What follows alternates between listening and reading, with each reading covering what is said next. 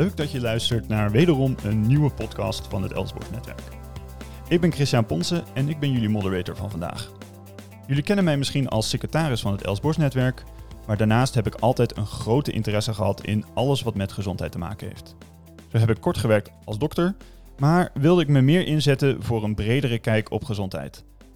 Nadat ik heb gekeken hoe het er bij een zorgverzekeraar aan toe gaat, werk ik nu op het snijvlak tussen gezondheid en politiek in Den Haag. Zoals je misschien weet is het Els Borst Netwerk een netwerk waarmee we willen bijdragen aan vrouwenemancipatie. We zetten ons in voor onder andere meer vrouwen en diversiteit in de politiek. In nagedachtenis van Els Borst, die ooit zei: De politiek is te belangrijk om alleen aan mannen over te laten. Elk jaar hebben we in februari de Els Borst Netwerk lezing. Deze vindt altijd plaats in dezelfde week dat Els Borst vermoord werd. Nu alweer zeven jaar geleden.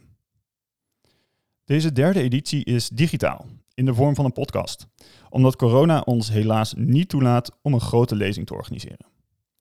De afgelopen jaarlijkse netwerkdag hebben we ook omgezet in een podcast. En dat was goed bevallen. Vandaar dat we weer voor dit format hebben gekozen. Vandaag nemen we je samen met verschillende experts mee in wat sociaal-culturele verschillen betekenen voor iemands gezondheid. Els Borst was zelf arts voordat ze ging besturen en uiteindelijk minister van Volksgezondheid werd. Ze heeft zich dan ook altijd ingezet in de grote gezondheidsverschillen die er zijn in Nederland. Want waar je woont, werkt of naar school bent geweest, hebben grote invloed op hoe gezond je je voelt en zelfs hoe oud je wordt.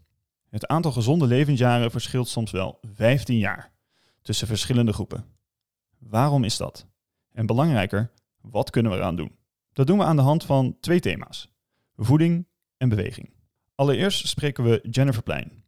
Zij is diëtist en voedingsdeskundige. Daarna spreken we Stephanie Feiten. Zij is huisarts in een bijzondere Rotterdamse praktijk. Nou, ik ben dus Christian en aan mij de eer deze podcast in goede banen te leiden. Zelf luister ik een podcast tijdens een wandelingje, dus zet mij gerust op pauze, zodat jij ook even je schoenen en je jas kan aantrekken.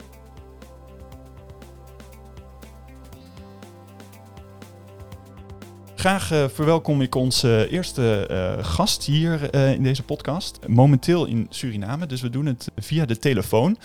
dat, nou, meer corona-proof wil je het niet hebben. dat is Jennifer Plein. En Jennifer Plein is diëtist en voedingsdeskundige.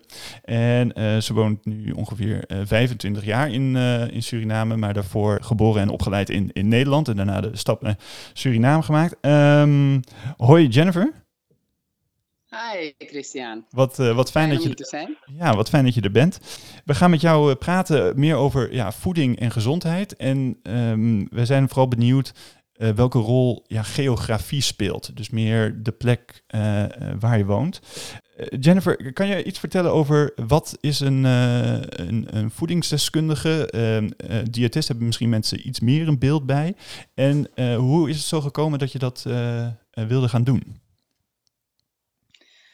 Uh, nou ja, laat me eerst beginnen uit te leggen wat het is inderdaad. Nou, als je bent afgestudeerd uh, aan de opleiding voeding en diëtetiek, dan is jouw titel diëtist slash voedingskundige. En dan is dat diëtistisch werk is eigenlijk meer uh, het one-on-one werk, waar je mensen die echt een medische klacht hebben, laten we zeggen diabetes hebben of hart- en vaatziekten hebben, of doorlichtwonden in het ziekenhuis, decubitus of uh, elke vorm van ondervoeding, wat dan ook. De mensen die echt een ziekte hebben, die je dan een dieetadvies geeft. En met het dieetadvies, ja, dan worden ze weer beter of gaat het, gaat het in ieder geval weer beter met ze. Of ze houden hun ziekte onder controle. Dat is het diëtistisch werk. Mm -hmm. En het voedingskundig werk, ja, dat is eigenlijk meer in de preventie.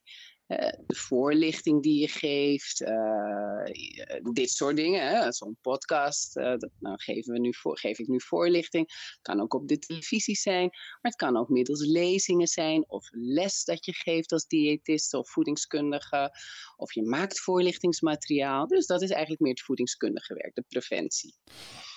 Ja, en dat doe je dus ook in, in, in Suriname. En wat voor dingen onderneem je dan zeg maar, om mensen voorlichting te geven? Daar te plekken? Uh, nou ja, alles wat ik zeg. Dus heel vaak word je uitgenodigd voor lezingen. Dat kan zijn vanuit echt alle mogelijke groepen. Dat kunnen grote bedrijven zijn, kleine bedrijven zijn die dus informatie voor hun uh, personeelsleden willen. Maar het kan ook een kerk zijn die je vraagt wat te vertellen aan de mensen die naar de kerk komen. Of uh, scholen, of nou, werkelijk de sportinstanties. Ja. Alle mogelijke plekken waar men uh, ja, behoefte heeft aan voedingsvoorlichting, zelfs uh, modellenbureaus en, oh, en uh, misverkiezingen. Ja, het, alle kanten gaat dat op. Want overal zijn mensen en overal wordt gegeten en overal gaat het goed en kan het ook misgaan. Ja. Dus in alle mogelijke groepen hebben mensen gewoon behoefte eraan dat jij gewoon uitlegt, toegespitst op hun groep, waar zij het meeste aandacht aan kunnen geven. En, en, en ja. En, en waarom heb je ervoor gekozen om deze richting op te gaan? Eh, wat, waar, wat, waar zit jouw passie als het gaat om uh, hier meer informatie over uh, te geven en mensen te helpen met, uh, met bijvoorbeeld ja, hun dieet? Nou ja, aanvankelijk wist ik eigenlijk nooit wat ik wilde worden hoor. Ik vond dat het heel moeilijk om te kiezen. Hè? Net als de meeste jongeren van wat moet ik nou worden later. En het was eigenlijk mijn moeder die zei van nou wat mij opvalt is dat jij altijd zo bezig bent met voeding. En dat was ook zo, want uh, als, ik had een vriendinnetje en haar moeder was macrobiotisch. En als ik bij hun thuis kwam, dan zat ik meer met die moeder te kletsen dan met mijn vriendin, die dat natuurlijk niet leuk vond. Hm. Maar ik vond dat het heel interessant. en toen dacht ik, hé, hey, ja, dat is eigenlijk wel waar. En elk potje op tafel eh, draaide ik om en las ik, die, las ik de, de voedingswaarde en de beschrijving van het artikel. En ik was er op die manier dus altijd mee bezig. Niet zozeer met mijn eigen figuur of zo, hè? Want dat denken mensen vaak, weet je, dat je, ik was totaal niet met mijn eigen figuur bezig, maar wel met mijn gezondheid. En nou, toen ben ik naar de open dag gegaan en eigenlijk alles wat ze daar vertelden van de opleiding sprak me aan. En dat was het. En uiteindelijk is het beroep totaal wat anders. Want ik, mhm. ik, nogmaals, dit was mijn ingang, maar niet zozeer gericht op dat ik het zo leuk zou vinden om het over te brengen aan andere mensen. Maar wat bleek, dat, dat, lag mij, dat ligt mij gewoon heel goed. Ik hou van praten en ik hou van praten over eten. Nou ja, dat, dat doe je dus de hele dag als ja. is. Ja, en um, want eh, ik, ja, ik, ik, denk ook soms over wel eens van, uh, ja, moet ik dit nou wel eten? Moet ik dit nou niet eten? Ik denk dat er heel veel mensen zijn met heel veel vragen altijd over eten, want dat is toch wel iets wat je elke dag doet. Um, zo, ja, wij kennen dan bijvoorbeeld het voedingscentrum en uh, de schijf van vijf. Um, hoe, hoe kijk je daar tegenaan? Is dat, nou, is dat nou een goed handvat? Werkt dat nou voor heel veel mensen of zeg van nou ook weer niet?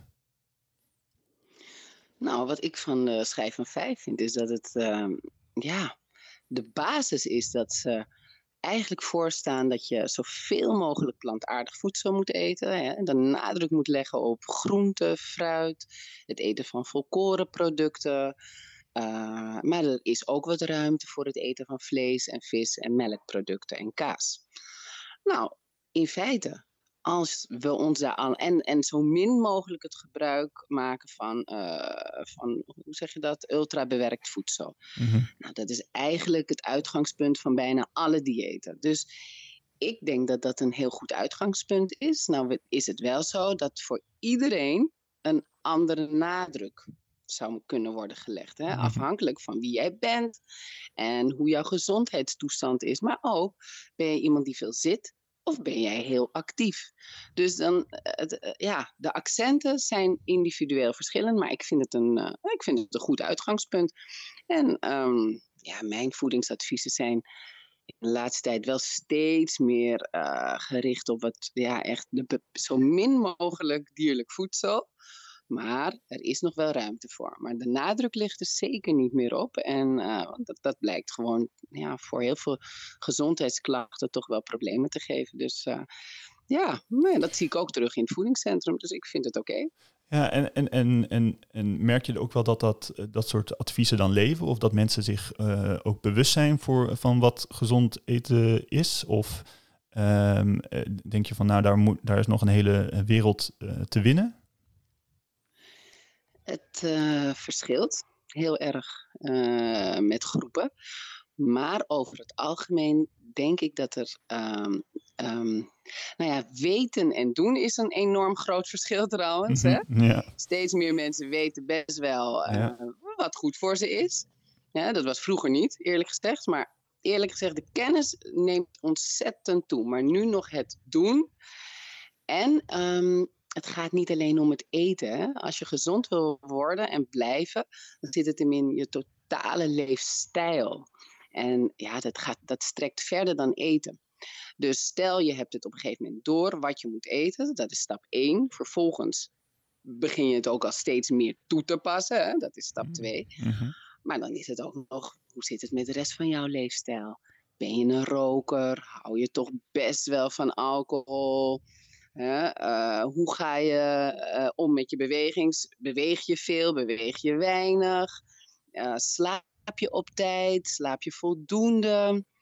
Toch? En, en, en, en heb je veel stress? Heb je het onder controle? Neem je genoeg breaks in je leven, in je dag, in je, in je week, in je, in je maand? Hoe, ga je, hoe sta je in het leven? Heb je een doel voor je dag? Of, of leef je doelloos? Of, hè? Dat ja. heeft allemaal effect op hoe, jij, hoe jouw lichaam functioneert, hoe je geest functioneert en hoe je je voelt. Ja, het is wel interessant om daar misschien wat meer op in te zoomen. Want als je kijkt naar, uh, nou laten we misschien wat verschillen, soort mannen en vrouwen, zie je daar dan verschillende, uh, hoe mensen daar naar kijken? Dus dat er een verschil in inzicht is, of misschien uh, de factoren die jij net ook noemt, dat daar verschillen zijn tussen mannen en vrouwen? Ja, toch ja, een beetje subtiel hoor. Ja, maar um, als we kijken naar. Maar dit is echt heel clichématig, hè, wat ik nu ga zeggen. Okay. Als we nu kijken naar. Uh, ja, mannen houden toch wel wat meer van vlees. Hè? Vlees en alcohol, roken, dat, dat, dat zie je toch wel wat meer bij mannen. Maar ook daarnaast wat meer sport. Mm -hmm. hè, dan bij vrouwen. Dat soort, dat soort verschillen zie ik toch wel. Um, maar. En ja, wat je vooral ziet bij mannen, is dat ze relatief weinig naar het medisch circuit gaan. Hè? Ze gaan laat naar de dokter. Mm. En eenmaal als ze gaan, ja, dan is, kan hun ziekte al, als ze ziek zijn, in een wat verder gevorderd stadium zijn. En wat moeilijker dus uh, ja, uh, terug te draaien of te behandelen.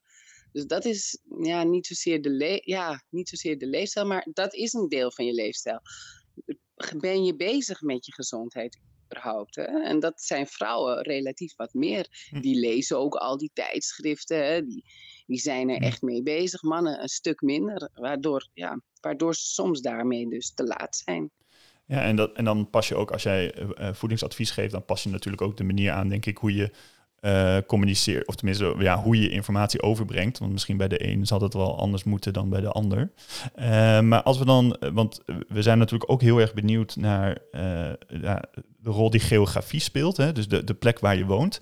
Um, je hoort wel eens dat er, dat er plekken zijn op de wereld waar mensen juist enorm gezond zijn. mensen langer leven. De zogeheten ja, blue zones. Ik, ik hoorde wel eens van Japan dat mensen daar heel erg oud worden omdat ze heel veel uh, vis eten en zo. Um, maakt het nog echt uit eh, waar je woont op de planeet, zeg maar, hoe je, of je daardoor gezonder eet en dan ook langer leeft? Of zeg je van, nou, dat maakt eigenlijk niet zoveel uit? Het gaat eigenlijk om, om die principes van de blue zones. Hè?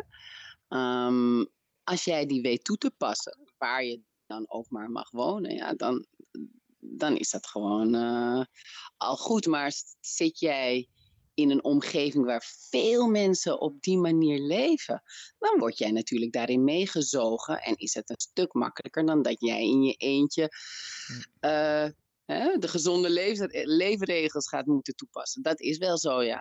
Het, ik heb wel gemerkt, ook omdat ik natuurlijk zelf in twee verschillende landen mm -hmm. nu heb ge geleefd, uh, dat inderdaad het wel van invloed is op jouw eetpatroon. Hoe je, waar je woont, dat is wel van invloed erop. Maar goed, als we kijken naar de Blue Zones, dat, dat uh, zijn inderdaad vijf plekken op de wereld. Hè. Italië, Japan, Amerika. Um, even kijken hoor. Ja, nog een paar. Mm -hmm. En uh, die mensen worden vaak, in die blue zones, worden ze vaak rond de 100 jaar en vitaal rond de 100 jaar. Ja. En ze hebben gekeken, hoe zit dat nou? Hoe komt dat? Nou, er zijn een paar overlappingen tussen al die plekken. En dat is, uh, ze eten gezond. Nadruk ligt vooral op het eten van plantaardig voedsel. En ze eten wel vis en af en toe vlees. Maar daar ligt niet de nadruk op. Dat is gewoon een klein, klein stukje erbij. Maar de nadruk ligt op het eten van veel peulvruchten en, en, en veel groente en fruit. Daarnaast bewegen ze heel veel. En, en jij zegt dan ja, sorry, eigenlijk... je wilde wat zeggen. Ja, want ik ben wel benieuwd, want um, ik haakte vooral aan ook omdat je zei dat um, je doet dat samen. Dus wat die Bluestones misschien juist wel krachtig maakt, is omdat iedereen een soortzelfde patroon heeft bij elkaar. Um, en ik kan me zo voorstellen dat in Nederland misschien mensen juist veel ja, op zichzelf zijn, meer individualistisch, uh, om maar even weer zo'n woord er doorheen te gooien. Is, is, is dat dus ook iets wat Nederland van kan leren, van dat soort uh, blue zones? Ja, absoluut. Dat is een van de sterkste punten die ze hebben, die gemeenschapszin. Gemeenschapszin is heel erg belangrijk. Ze zijn ook veel samen, ze zijn veel met hun familie, ze zijn veel met hun buren, met hun vrienden. Veel tijd met anderen op een positieve manier doorbrengen, heeft een enorm grote impact op hun, uh, op hun gezondheid. Ja. En ze hebben ook echt een doel. Hè? Elke dag. Ze hebben een doel nog in hun leven, ongeacht hun leef, leeftijd. Ze hebben nog elke dag een doel om voor op te staan. Dat is ook heel belangrijk. Heel belangrijk. Gewoon purpose in je leven te hebben. Ja. Ongeacht hoe oud je bent. Ja, en, en, um, en, en zie je dat soort uh, verschillen ook met, tussen uh, Suriname en, en bijvoorbeeld Nederland? Ook als het gaat om meer dingen samen doen, of misschien meer familiegericht, of uh, ik, ik weet niet of dat een cliché is hoor, maar ik kan me daar iets, iets bij voorstellen. Uh, zie je daar dingen die. Ja, zie je daar verschillen in waar je denkt van nou, daar kunnen we uh, van elkaar leren? Ik denk dat Suriname en Nederland te groot zijn om met elkaar op die manier te vergelijken. Wat ik wel zie hier in Suriname is dat je ook, ja, je hebt de stad, om, om dat maar eerder met Nederland te vergelijken. En je hebt buiten de stad. En dat, dat wil zeggen meer in, uh, ja, in de districten en in het binnenland. Nou, wat je daar inderdaad ziet, is daar zijn, dus zeg maar buiten de stad, daar zijn de mensen veel meer ja, met elkaar. Uh, leven veel meer met elkaar. En um, ja, dus de, de gemeenschapszin is daar veel sterker, de band is veel sterker. Ik durf alleen niet direct te zeggen dat dat resulteert altijd in uh, dat ze ook gezonder zijn hoor. Nee, dat durf ik. Uh, dat stukje in Suriname durf ik niet te zeggen, want daar speelt wel weer een stukje voeding mee. Mm-hmm. Um, zeg maar in het binnenland waar die gemeenschapszin heel sterk aanwezig is en dat stukje heel goed is, mm-hmm. um, zijn ze bijvoorbeeld uh, niet gewend aan het eten van groenten. Dus ze planten heel veel uh, cassave, dat is uh, zoiets als aardappel. Mm -hmm, En daar maken ze ontzettend veel gerechten van. En dat eten ze op allerlei manieren. Maar ze eten er bijna geen groente bij. En dat ze die groenten missen, dat, heeft, ja, dat, dat is dan toch wel weer, heeft wel weer impact op hun gezondheid. Omdat in dus de stad kan je... de rest wel. Ja, want in de stad kan je dat dan. Ja, want in de stad kan je dat gewoon kopen bij de, bij de grotere supermarkten, bedoel je. Het is daar makkelijker beschikbaar. Ja, ja. Ja, ja, in overvloeden. Maar uh, in binnenland moet je het zelf planten. En dat doen ze niet, want het zit niet in hun cultuur. Je hebt namelijk in Suriname heel veel verschillende bevolkingsgroepen. Hè? Mm. En de mhm. bevolkingsgroep die vooral in het binnenland woont, dat zijn meer de inheemse, wat je ook kan noemen de Indianen. En meer de Marons. En dat zijn zeg maar de Creolen die afstammen uit uh, de groep uit Afrika. En ja, die, die eten dat gewoon niet, zit niet in hun eetcultuur. En ja, dat is dan wel weer uh, een gemis. Maar ik wil wel iets hierover vertellen, wat ja. ik zelf uh, interessant vind. mijn oma zelf is 100 jaar. Ja, kijk. Kijk, dit is ook een groot voorbeeld ja. dan voor jou, of niet? Absoluut. Nee, absoluut, absoluut, absoluut. En um, nou, ik heb, uh, ik, heb het, ik heb het natuurlijk ook vaak genoeg met haar uh, erover gehad. Nou, hoe komt het nou dat zij 100 is geworden? En ik heb ook echt dat proberen te achterhalen. En eigenlijk, als ik, als ik naar haar uh, leven kijk, heeft zij de Blue Zone zelf gecreëerd. Ja, ja. Terwijl ze woont dus, uh, ja, ze heeft van die 100 jaar, heeft ze zeker, ik geloof 40, 45 jaar in Nederland gewoond hoor. Ze woont ook nu nog in Nederland. Dus zij heeft een gedeelte hier gewoond en een gedeelte in Nederland. Dus, en en door haar heb ik zoiets van, ja, maar iedereen kan zijn eigen blue zone creëren in zijn eigen leven. Waar je ook woont, maakt niet uit. Ja. Zij heeft inderdaad hier dan heel veel buiten gewerkt, ook op het land en uh, veel in de buitenlucht geweest. Dat doet ze natuurlijk een stukje minder in Nederland, maar ze heeft in Nederland nog, tot, nou, tot voor kort, heeft ze ontzettend veel bewogen.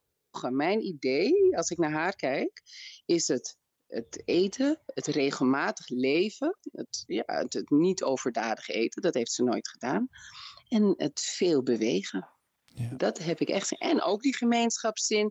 En altijd veel met de familie actief zijn. En is dat dan ook. Dat is, dat is echt wat ik zie. Ja, dat is wel eh, mega inspirerend. Want dus eigenlijk zeg je dus, als jij. Uh, misschien wel advies geeft aan mensen. Van zorg ervoor dat je je eigen blue zone dan creëert. Dat het kan ook misschien met, met buren zijn of met vrienden of met uh, dus dat je vaak elkaar opzoekt. Dat doe je van. Nou, dat, dat is ook een heel belangrijk aspect van uh, advies dat je zou geven. Niet alleen over dat je meer fruit en meer vezels moet eten, maar ook dat je moet zorgen dat je een blue zone om jezelf heen creëert. Nou, sowieso als diëtiste heb ik het absoluut niet alleen over het eten hoor. Dat is echt serieus, misschien 20% eh, van het hele verhaal. Want je kijkt naar alles van iemand. Hè. Als iemand bij jou komt met een ziekte, any ziekte, dan moet jij achterhalen waar ligt het probleem, en, dat is, dat is, en, en dan los je het op met de, het complete leefstijlaspect. Dus niet alleen met de voeding. Je kijkt naar al deze aspecten. En uh, inderdaad, als iemand dus inderdaad veel alleen is, dan ga je meedenken. Maar hoe kan jij, hè, wat, hoe kan jij meer onder de mensen komen? Werkelijk. Want dan kan dat het hoofdprobleem zijn. Hè? En verveling verveling, eenzaamheid, mhm. dan, ga je, dan is mhm. het onderwerp van, van de dieetbegeleiding. En dan, dan denkt iedereen, je gaat het hebben over sneetjes brood. Nee, natuurlijk niet, want daar ligt het probleem niet. Mhm. Het ligt hem in dat de persoon, omdat hij niet alleen wil eten en sinds iemand is ontvallen, bijvoorbeeld zijn partner, ja, is het eten in duigen gevallen. Nou, dan gaan we kijken hoe kunnen we dat weer oppakken. Met wie kan je dan wel eten? dat is dus weer het samen aspect zoeken naar die persoon in zijn of haar leven. Dus je kijkt altijd als diëtiste, waar ligt het probleem? En daar gaan we dan een oplossing voor verzinnen. En tuurlijk, het heeft altijd wel wat met voeding te maken, maar dat hoeft absoluut niet het hoofdpunt te zijn hoor. Nee, absoluut niet nou, helaas uh, moeten we al richting een, eh, een, afronding. Maar ehm, ik was wel benieuwd, ehm, wat voor missie heb jij jezelf nog gesteld, als ik dat zo mag zeggen? Van, van wat, wat wil je nou nog graag bereiken met, met, met eigenlijk alles, alle kennis die jij hebt op het gebied van voeding, maar ook de heel veel dingen die eromheen hangen? Nou ja, ik kom dus naar Nederland om samen met uh, Jonneke Brouwers, huisarts is zij, in, in Bakkeveen in Friesland. Uh, zij heeft daar een bloeizone opgezet. Dus oh. eigenlijk een Nederlandse blue zone ja. in Bakkeveen. Dat is echt zo'n fantastisch project. En nou, ik kom dus naar Nederland onder andere om daar mijn krachten aan te geven. En te kijken wat wij verder nog kunnen doen. Want ja, zij is een leefstijlarts. Mhm. En samen met mij als diëtiste ja, willen we kijken, in de meest brede zin des woords, um, hoe wij uh, de gemeenschap met gezonde leefstijladviezen, uh, die ook echt makkelijk toepasbaar en lekker en aantrekkelijk en oké zijn, uh, te kunnen ja, ondersteunen. Zodat mensen niet met pillen het leven door hoeven te gaan. Want dat hoeft gewoon eigenlijk voor een groot gedeelte al lang niet meer. Maar dan moet je het wel even doorhebben. Ja. En dat is eigenlijk de missie van, nou, zoveel mogelijk mensen hiervan op de hoogte brengen. Waar moet je op letten in jouw eigen leven? Wat, hoe kan je de mensen om jou heen meenemen in jouw positieve uh, positieve nieuwe wave, weet je, dat je dit gewoon uh, ja, voor elkaar kan krijgen. En uh, ja, dat is, dat, is, dat is hem. Dus niet ik alleen, maar samen met Jonneke Brouwers wil ik, wil ik hier aan gaan werken. Nou, Jennifer, dankjewel. Uh, dankjewel dat je ook uh, ja, mee, uh, ons ja, zo wilde inspireren. En dat je ook wel, ook denk ik wel bruikbare tips hebt meegegeven voor, voor de luisteraars. En nou, we horen graag meer van je. En um, nou, dankjewel dat je wilde, wilde aansluiten. Nou, hartelijk bedankt, Christian, voor deze ja, opportunity, hè, deze gelegenheid. En succes met alles wat jullie nog van plaats zijn. Oké, okay, dankjewel. Dit was uh, Jennifer Plein en dan gaan we nu door naar, uh, naar de volgende expert.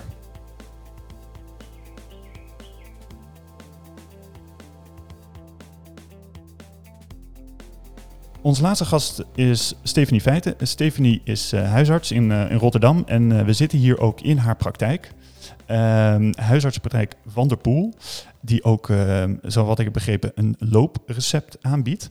Dus zij weet alles van, ja, over belangrijke sociale verschillen die er zijn op het gebied van gezondheid. En specifiek ook welke rol ja, bewegen daarbij speelt. En Stephanie, leuk dat je er bent. Goedemorgen, dankjewel. Um, ik ben wel benieuwd, hoe ben je er eigenlijk bij gekomen om uh, dokter te worden? Waar, waar is dat vandaan gekomen?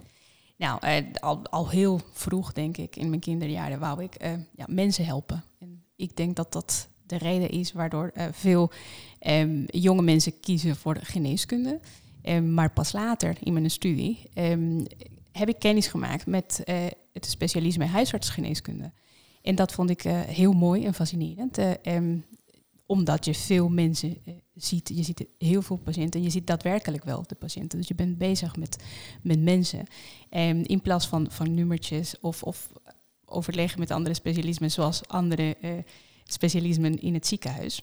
Um, en dat vond ik leuk. Ik vond het leuk om, om van alles te kunnen zien, alle soorten problemen binnen de geneeskunde.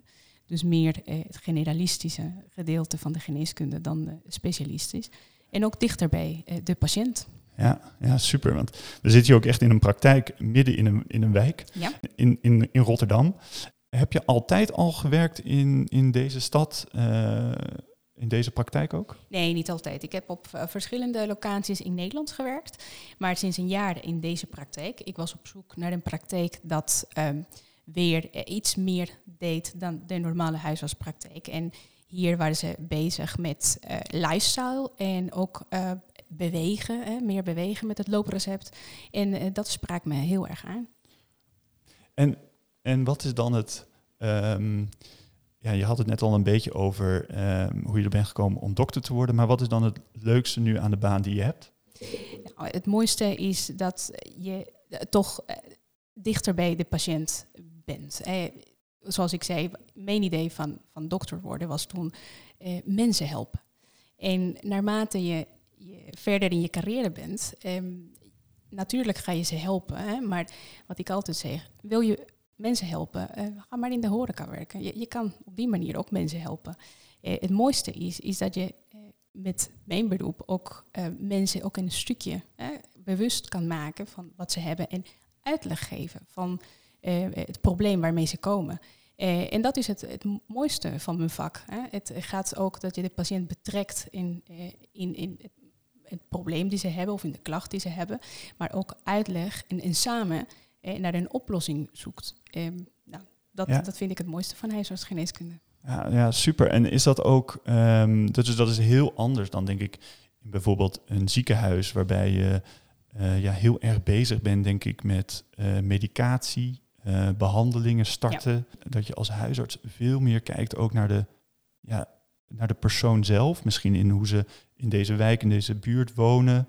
Jazeker. Um, kan je daar iets over vertellen? Nou ja, dat, wat je zegt uh, klopt helemaal. Um, wat een huisarts probeert te doen is, we kijken meer holistisch hè, naar, de, naar de patiënt en naar de klacht. We kijken niet zozeer van, oh, heb je daar een pentje en dat is het en, en hier een pilletje. Dat was zoals vroeger de meeste huisartsen uh, werkten, maar het, het, is veranderd de afgelopen tijd. En we keken, oké, okay, wat zijn andere factoren die uh, beïnvloeden jouw klachten? Um, ook kijken naar de belevings van de patiënten, de sociale omstandigheden, uh, de psychische omstandigheden van de patiënt. En, en, dat is wat onze vak zo mooi maakt. dat je kijkt naar verschillende dimensies van de patiënt en niet zozeer naar bepaalde stofjes in het lichaam, wat ook heel belangrijk is. Ehm, dus, maar dat, we zijn generalistisch en dus niet specialistisch. En daardoor kunnen wij, denk ik, wel veel meer bereiken direct met onze patiëntenpopulatie. Ja. Ja, super om te horen. Want um, is het dan ook extra uitdagend en extra leuk om in, uh, in Rotterdam dan te werken, als je dit soort dingen noemt, over het holistisch benaderen van uh, patiënten, dus eigenlijk van meerdere kanten? Ik vind het extra leuk, omdat uh, je in Rotterdam veel meer culturen hebt. Um, en, en dat maakt het alleen maar mooier. Hè? Um, natuurlijk, iedereen kan, kan dokter worden en iedereen kan herkennen wanneer een pijn in je nagel hebt of in, in andere klachten in je lichaam. Maar eh, je moet vaak dat zetten eh, op de achtergrond van de patiënten. Eh, want de belevenis van, van een klacht en de belevenis bijvoorbeeld van pijn en de belevenis van een ziekte hangt ook enorm af van je, van je gedachten, van je cultuur, van je achtergrond. En, eh, en dat is het mooiste hier in Rotterdam. Je hebt verschillende culturen, verschillende soorten mensen. En dat maakt het interessant, want iedereen presenteert een bepaalde bepaalde klacht op een andere manier. En extra leuk vind ik dat. Ah, ja, want um, we hadden al een klein voorgesprekje um, ook over de telefoon. En, en toen vertelde je ook dat je uh, oorspronkelijk uit Colombia komt. Ja. Uh, ook even in Australië uh, hebt gewoond. Ja, zeker. Um, dus echt een vrouw van de wereld zou ik bijna zeggen. die ervaringen die je hebt, neem je die dan ook mee in uh, de praktijk? Ja, enorm. Hè. wat ik heb geleerd, dankzij nou, het feit dat inderdaad in andere uh, landen hebt mogen wonen, is dat, dat um, het proces van, van ziekte en zowel genezing enorm afhangt van, van je gedachten en van je cultuur en van je omgeving. En, en dat heeft mij enorm geholpen in mijn werk als huisarts om beter de patiënt te begrijpen en ook beter een, een oplossing te kunnen bieden eh, aan de patiënt. En op samen bijvoorbeeld met de patiënt eh, samen naar de oplossingen te zoeken. Um, dus ja, heel belangrijk hoe uh, verschillende mensen vanuit andere achtergronden, achtergronden denken. Um, en dat heb ik ook mogen ervaren in, in andere landen ook.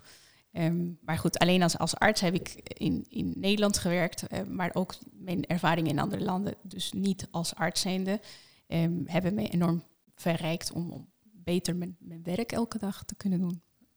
Ja, want dat is dan eigenlijk ook wel een pleidooi um, om huisartsen ook zoveel mogelijk divers op te leiden, denk ik, van verschillende achtergronden. Want uh, dat maakt denk ik het vak van huisarts alleen maar sterker. Ook als een, als een huisarts heel goed kan begrijpen, inleven waar het precies om, om gaat. Um, Zeker.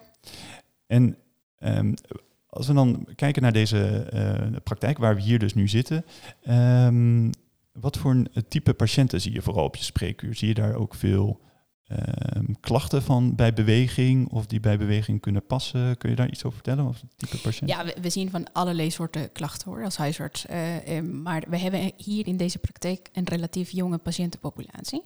Um, en, en daarmee denk je van, oh, die zijn dus allemaal gezond. Maar, maar nee, we zien natuurlijk ook een, een grote groep mensen, uh, jonge mensen met um, relatief veel klachten uh, van hart- en vaatziekten, uh, suikerziekten, maar ook bewegingsgerelateerde uh, of bewegingsapparaatgerelateerde klachten.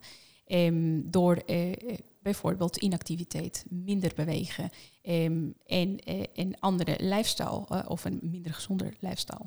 En en dat, focus, dat is onze focus nu in de praktijk, om daar iets aan te doen en te helpen.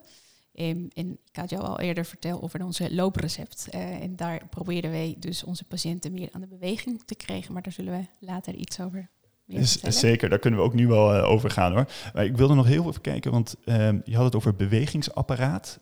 En wat voor een, uh, klachten moet ik dan denken? Nou, heel veel gewrichtsklachten, schouderklachten, knieklachten, enkelklachten, rugklachten voornamelijk ook. Hè als je gaat zitten, nu zie je meer dat er steeds meer mensen thuis werken, minder bewegen eh, door de corona. Eh, heel veel eh, klachten van eh, de lage rug, schouders, armen, handen. Door het, het, werken in een verkeerde werkplek thuis, zeg maar. Iedereen gaat nu tegenwoordig aan zijn eettafel werken of lekker op de bank of op bed met een laptop. Maar als je dat dus tien uur achter elkaar doet, dan, dan begin je weer je nek te voelen, je schouders, je, je rug. Dat zien we nu voornamelijk uh, het afgelopen jaar. Maar uh, los daarvan zagen we ook hier veel in deze praktijk. Um, veel uh, overgewicht en, en, problemen van, van het bewegingsapparaat, omdat mensen minder bewegen hè, en, en minder sporten. Ja. ja, want ik herken het ook wel uh, aan mezelf. Ik, ik, bedoel, ik zit zelf ook uh, echt de hele dag zit ik op mijn, uh, mijn stoel. En ik heb inderdaad ook wel van die nek- en rugklachten vanwege het, het lange zitten. en dan s'avonds dan vind ik het wel gewoon lekker om dan toch maar op de bank te gaan hangen. Maar dat is ook niet helemaal een goede houding. Dus ik begrijp helemaal wat je bedoelt. En daarna had je het over het looprecept. Hoe kan Misschien kan je daar iets meer over vertellen. en hoe kan dat helpen om uh, die klachten uh, ja, misschien wel te doen verdwijnen of te behandelen? Of um, ja, noem het nog op. Nou ja, het uh, looprecept is opgericht door twee huisartsen. Um, van der Poel en Anne Huisman. Um, Matthijs van der Poel is ook de praktijkhouder van deze praktijk. En hun idee was van meer het bewegen in plaats van een pil. Dus een looprecept in plaats van een receptje van een paar pillen naar de apotheek. En het is een fantastisch idee, want wat we willen is dat de mensen uh, meer gaan bewegen. Het is wetenschappelijk bewezen dat het goed is uh, in, voor de, nou, allerlei dingen, voor de hart- en vaatziektes en, en goed tegen diabetes, maar ook goed of tegen geestelijke problemen, psychische ziektes. Um, en dat, daar is het idee een beetje van uh, op het idee uh, stond, uh, ontstond uit deze twee huisartsen die dachten we willen iets anders doen. Hè. We willen ook veranderingen inbrengen. En we zien heel veel mensen dat veel ziektes hebben en weinig bewegen. En we zijn alleen maar pillen aan het geven. Dat is niet goed. Um, wat kunnen we doen? Nou, laten we maar meer preventie doen in plaats van um, juist pillen geven en later de ziekte helpen. Uh, en dat werkt. Uh, onze, wij, onze looprecept is twee keer per week hier. half uur lopen met patiënten van de praktijk. En dat gaan we hier in de buurt. een rondje rond de Heemraadsingel lopen met een groep patiënten. En um, je moet je niet voorstellen dat we gaan hardlopen of cardio doen, extra dingen. Nee, het is gewoon lopen, een rondje lopen. En het werkt heel goed. Het werkt als een trein, moet ik zeggen. Um, en mensen denken, ja, maar heb je dan de, huisarts voor nodig? Ja, zeker. voor veel mensen bewegen en lopen is niet vanzelfsprekend. Het is, eh, veel mensen hier eh, in, in, deze buurt hebben eh, heel veel problemen, werkloos of juist moeten heel veel werken. Ehm, alleenstaande moeders met kinderen thuis die niet de mogelijkheid hebben om naar de sportschool te gaan. Um, ook oudere mensen die eenzaam zijn, die niet uh, durven naar buiten gaan bijvoorbeeld. Um, ja, hoe bereik je die mensen? En daar is het looprecept een goede oplossing voor. Um, laagdrempelig, je komt één of twee keer per week wandelen met de huisarts. We gaan in kleine groepjes. Um, kunnen mooie gesprekken ontstaan. Uh, de patiënten steunen elkaar, de mensen die, die lopen. Uh, fantastisch. Dus we zouden graag dat meerdere dokters in Nederland eh, het uh, looprecept uh, gingen doen met zijn patiënten. Ja, ja het, het klinkt heel inspirerend, want ik, ik, ik, zie me dan voor me dat een, um, um, maar misschien dat je ons kan meenemen hierin, is dat een, een patiënt meldt zich eigenlijk bij jou met mhm. bijvoorbeeld een klacht. Um, en dan stel jij voor, nou, ik kan wel een looprecept uitschrijven, want wij hebben elke uh, twee keer in de week kan je met ons meelopen. Uh, is dat een beetje hoe het gaat? Of, uh, nou, nou, eigenlijk ja, een, een klein beetje. De patiënten komen niet naar ons toe van... dokter, ik wil meer bewegen en ik kan weinig bewegen. Wat, wat kan ik doen? Helaas is het niet zo. Hè? Dus het is meer dat de mensen bijvoorbeeld met hoge bloeddruk of suikerziekte hier komen... of mensen met beginnende klachten van, van hun bewegingsapparaat... En dat we denken van, dit komt zeer waarschijnlijk door je lifestyle, door, weinig bewegen. En nodigen we de patiënt uit. En ik moet zeggen, in het begin de patiënten denken van ja, maar hoe gaat mij dat, dat helpen, bewegen? Eh, het is niet dat wij de hele suikerziekte en hartproblematiek eh, gaan uh, verbeteren met twee keer per week lopen. Maar het, gaat om uh, een lifestyleverandering teweeg brengen in de patiënten. Van wat, begin met iets kleins, iets laagdrempelig wandelen. En we zien dat de steeds patiënten uh, meer gemotiveerd raken en bleven komen en graag met ons willen uh, wandelen.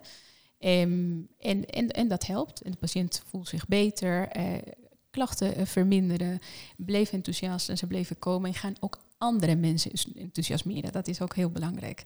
Hè? Dat ze gaan ook andere patiënten en ook mensen die geen hè, patiënt zijn van onze praktijk, die zijn ook welkom en die, die worden ook uitgenodigd door patiënten. En, en dat is ontzettend mooi om te zien. Ja. Ja, super ook vooral dat het uh, resultaat geeft. Hè? Dus dat het ook echt zichtbaar wordt voor mensen. Dat, het, dat ze merken dat het, uh, dat het helpt. Uh, als ik zelf in Rotterdam had gewoond, dan had ik zeker aangesloten. Um, maar ik kon wel kijken in mijn eigen buurt, misschien ook wel de luisteraars, van nou, misschien biedt wel een huisarts zoiets aan.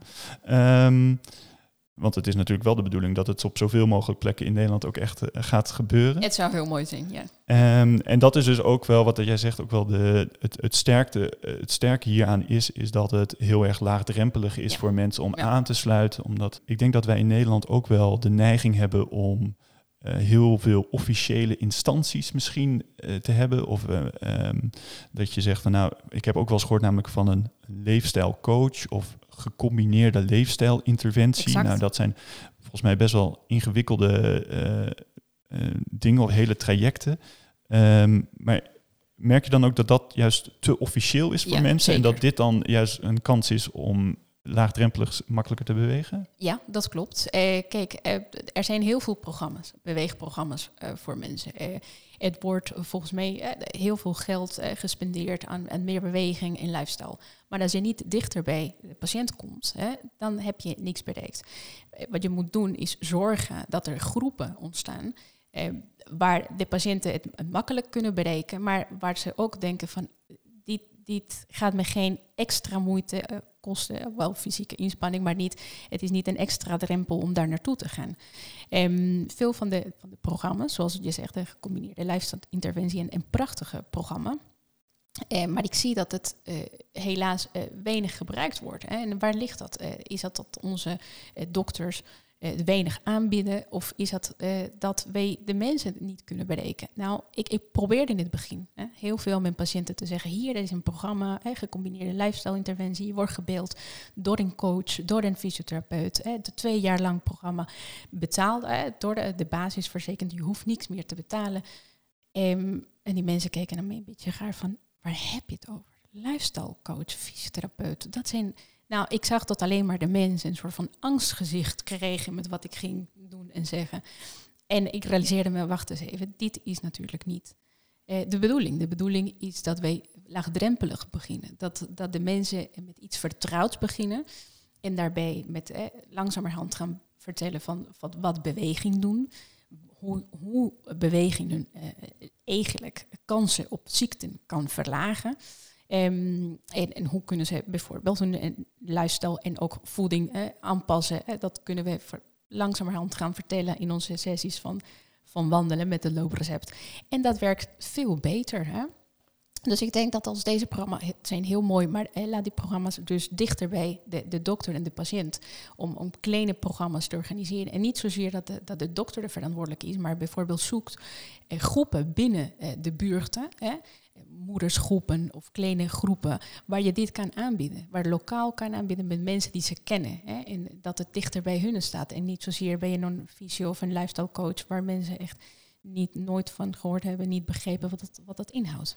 Ja, want uiteindelijk is het doel dat niet alleen patiënten dit gaan doen, maar dat het uh, ook wat meer ja, actiever uh, de mogelijkheid is voor mensen om daarbij aan te sluiten. Dus, dus um, ik wil maar zeggen, ik denk hoe, hoe breder die groep is, uh, hoe beter het is. Dus dat je niet alleen maar patiënten op recept hebt, want eigenlijk is het denk ik voor iedereen toegankelijk. Ja. En dan moet het als een soort lopend vuurtje, moet het looprecept over uh, ja, heel Rotterdam eigenlijk en liefst heel Nederland verspreid worden. Exact. Ja. En wat wij wel gezien hebben, wat we weten is dat, dat mensen gaan uh, doen en gaan zich gedragen en, en, en, doen wat, wat de mensen in de omgeving doen. Als je ziet dat andere mensen gaan rennen, dan ga je ook rennen. Als je ziet dat andere mensen gaan sporten, dan ga je ook sporten. Nou, het werkt niet bij iedereen, maar wel bij de, meeste mensen. En dus als, als een groep mensen ziet hier van, hé, hey, er is een, een, kleine initiatief waar, waar mensen kunnen meedoen en inderdaad zich gaat uh, verspreiden. Nou, dat zou mooi zijn, want mensen motiveren de andere mensen. En, en, en dat, dat heb ik ook uh, gezien en geleerd in, in, mijn reizen in het buitenland. Hè. Als je ziet... in andere landen waar het heel veel normaal is, bijvoorbeeld om te bewegen en te sporten vanaf een school, um, dan gaan de mensen veel makkelijker hè, en, en een sport oefenen. Um, zonder dat het echt een dokter naar hun toe komt en zegt van je moet gaan bewegen. Het, het zit al in het systeem van de mensen. Hè? Het bestaat al een cultuur van beweging. Dat is wat we moeten creëren. Hè? Een cultuur van waar het normaal is om, om te bewegen, om, om gezond te leven en, en een gezonde lifestyle. Ja, maar de vraag is, hoe, hoe doe je dat? Hè? Hoe bereik je dat? En, dan moet je beginnen echt vanaf, vanaf de kinderleeftijd, denk ik. En als je de, de kinderen kan eh, bereiken, maar ook de moeder hè, bijvoorbeeld. Eh, motiveren van hoe eh, ga je bewegen? Leer je kind om, dat bewegen is gezond. Leer ze eh, een gezondere voedings um, lifestyle. Dan, dan denk ik als we dat stukje kunnen bereiken, dat, dat, dat we heel veel later kunnen bereiken. Maar als je begint natuurlijk met al de mensen die al um, al ziek zijn later. Natuurlijk is het heel goed als je ziek bent dat je alsnog gaat bewegen, maar de gezondheidswinst is minder. Hè? En ook als je je gaat richten op mensen die al gezond zijn. Hè? Want wat ik zie is dat de meeste programma's ook uh, richten, zijn voor iedereen, maar de mensen die het kunnen vinden, zijn mensen die al bezig waren met hun gezondheid. Nou, die willen we niet bereiken. Natuurlijk moeten ze het wel doen, maar we willen mhm. graag de groepen bereiken die, die dat niet kennen. Waar, waar het moeilijk voor is.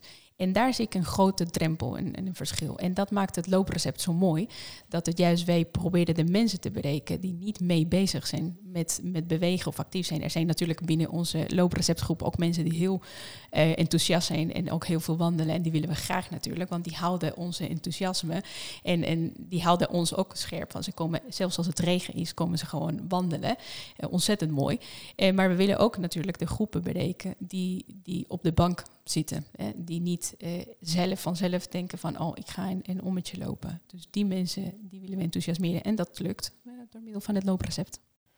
Ja, echt uh, bedankt. Stephanie, uh, echt bedankt dat je ons je ervaring wilde delen. En ehm, ja, ik vond, het, ik vond het heel inspirerend en ik denk voor de luisteraars ook. En, en, ik, en ik wens je echt alle succes met het, met het mooie werk dat je doet. En ehm, ik vond je net ook een hele mooie, inspirerende afsluiter. Dus ik zou zeggen, eh, mocht je zelf behoefte hebben om te bewegen, laat je vooral kijken of je huisarts een looprecept aanbiedt. Of en zo niet, stel het voor. Exact. Um, en kijk, jullie hebben vast wel, ja, je hoeft maar te googlen volgens mij looprecept en dan vind je het vanzelf. Nou, dankjewel. We horen denk ik later nog veel meer van je. Nou, dank jullie wel voor het interview. Fijn dat je luisterde naar deze podcast van het Elsborst Netwerk. Ik hoop dat je net als ik er zeker iets van hebt opgestoken. Volgens mij laat het des te meer zien dat veel factoren invloed hebben op je gezondheid. En dan hebben we het niet eens gehad over luchtkwaliteit of de leefomgeving. Je kan daar zo nog een podcast aan wenden. Wil je meer weten van het Elsborstnetwerk, waar we voor staan en wat we doen? Kijk dan even op onze site elsborstnetwerk.nl. Daar vind je ook meer info over onze gasten van vandaag. Op onze site kan je ook lid worden van het Elsborstnetwerk, mocht je nog geen lid zijn. Zo blijf je op de hoogte van al onze activiteiten. Je kan ons uiteraard ook volgen op Instagram, Twitter en LinkedIn. Nou, dank voor het luisteren en tot de volgende podcast of, als het weer kan, een van onze evenementen. Hoi!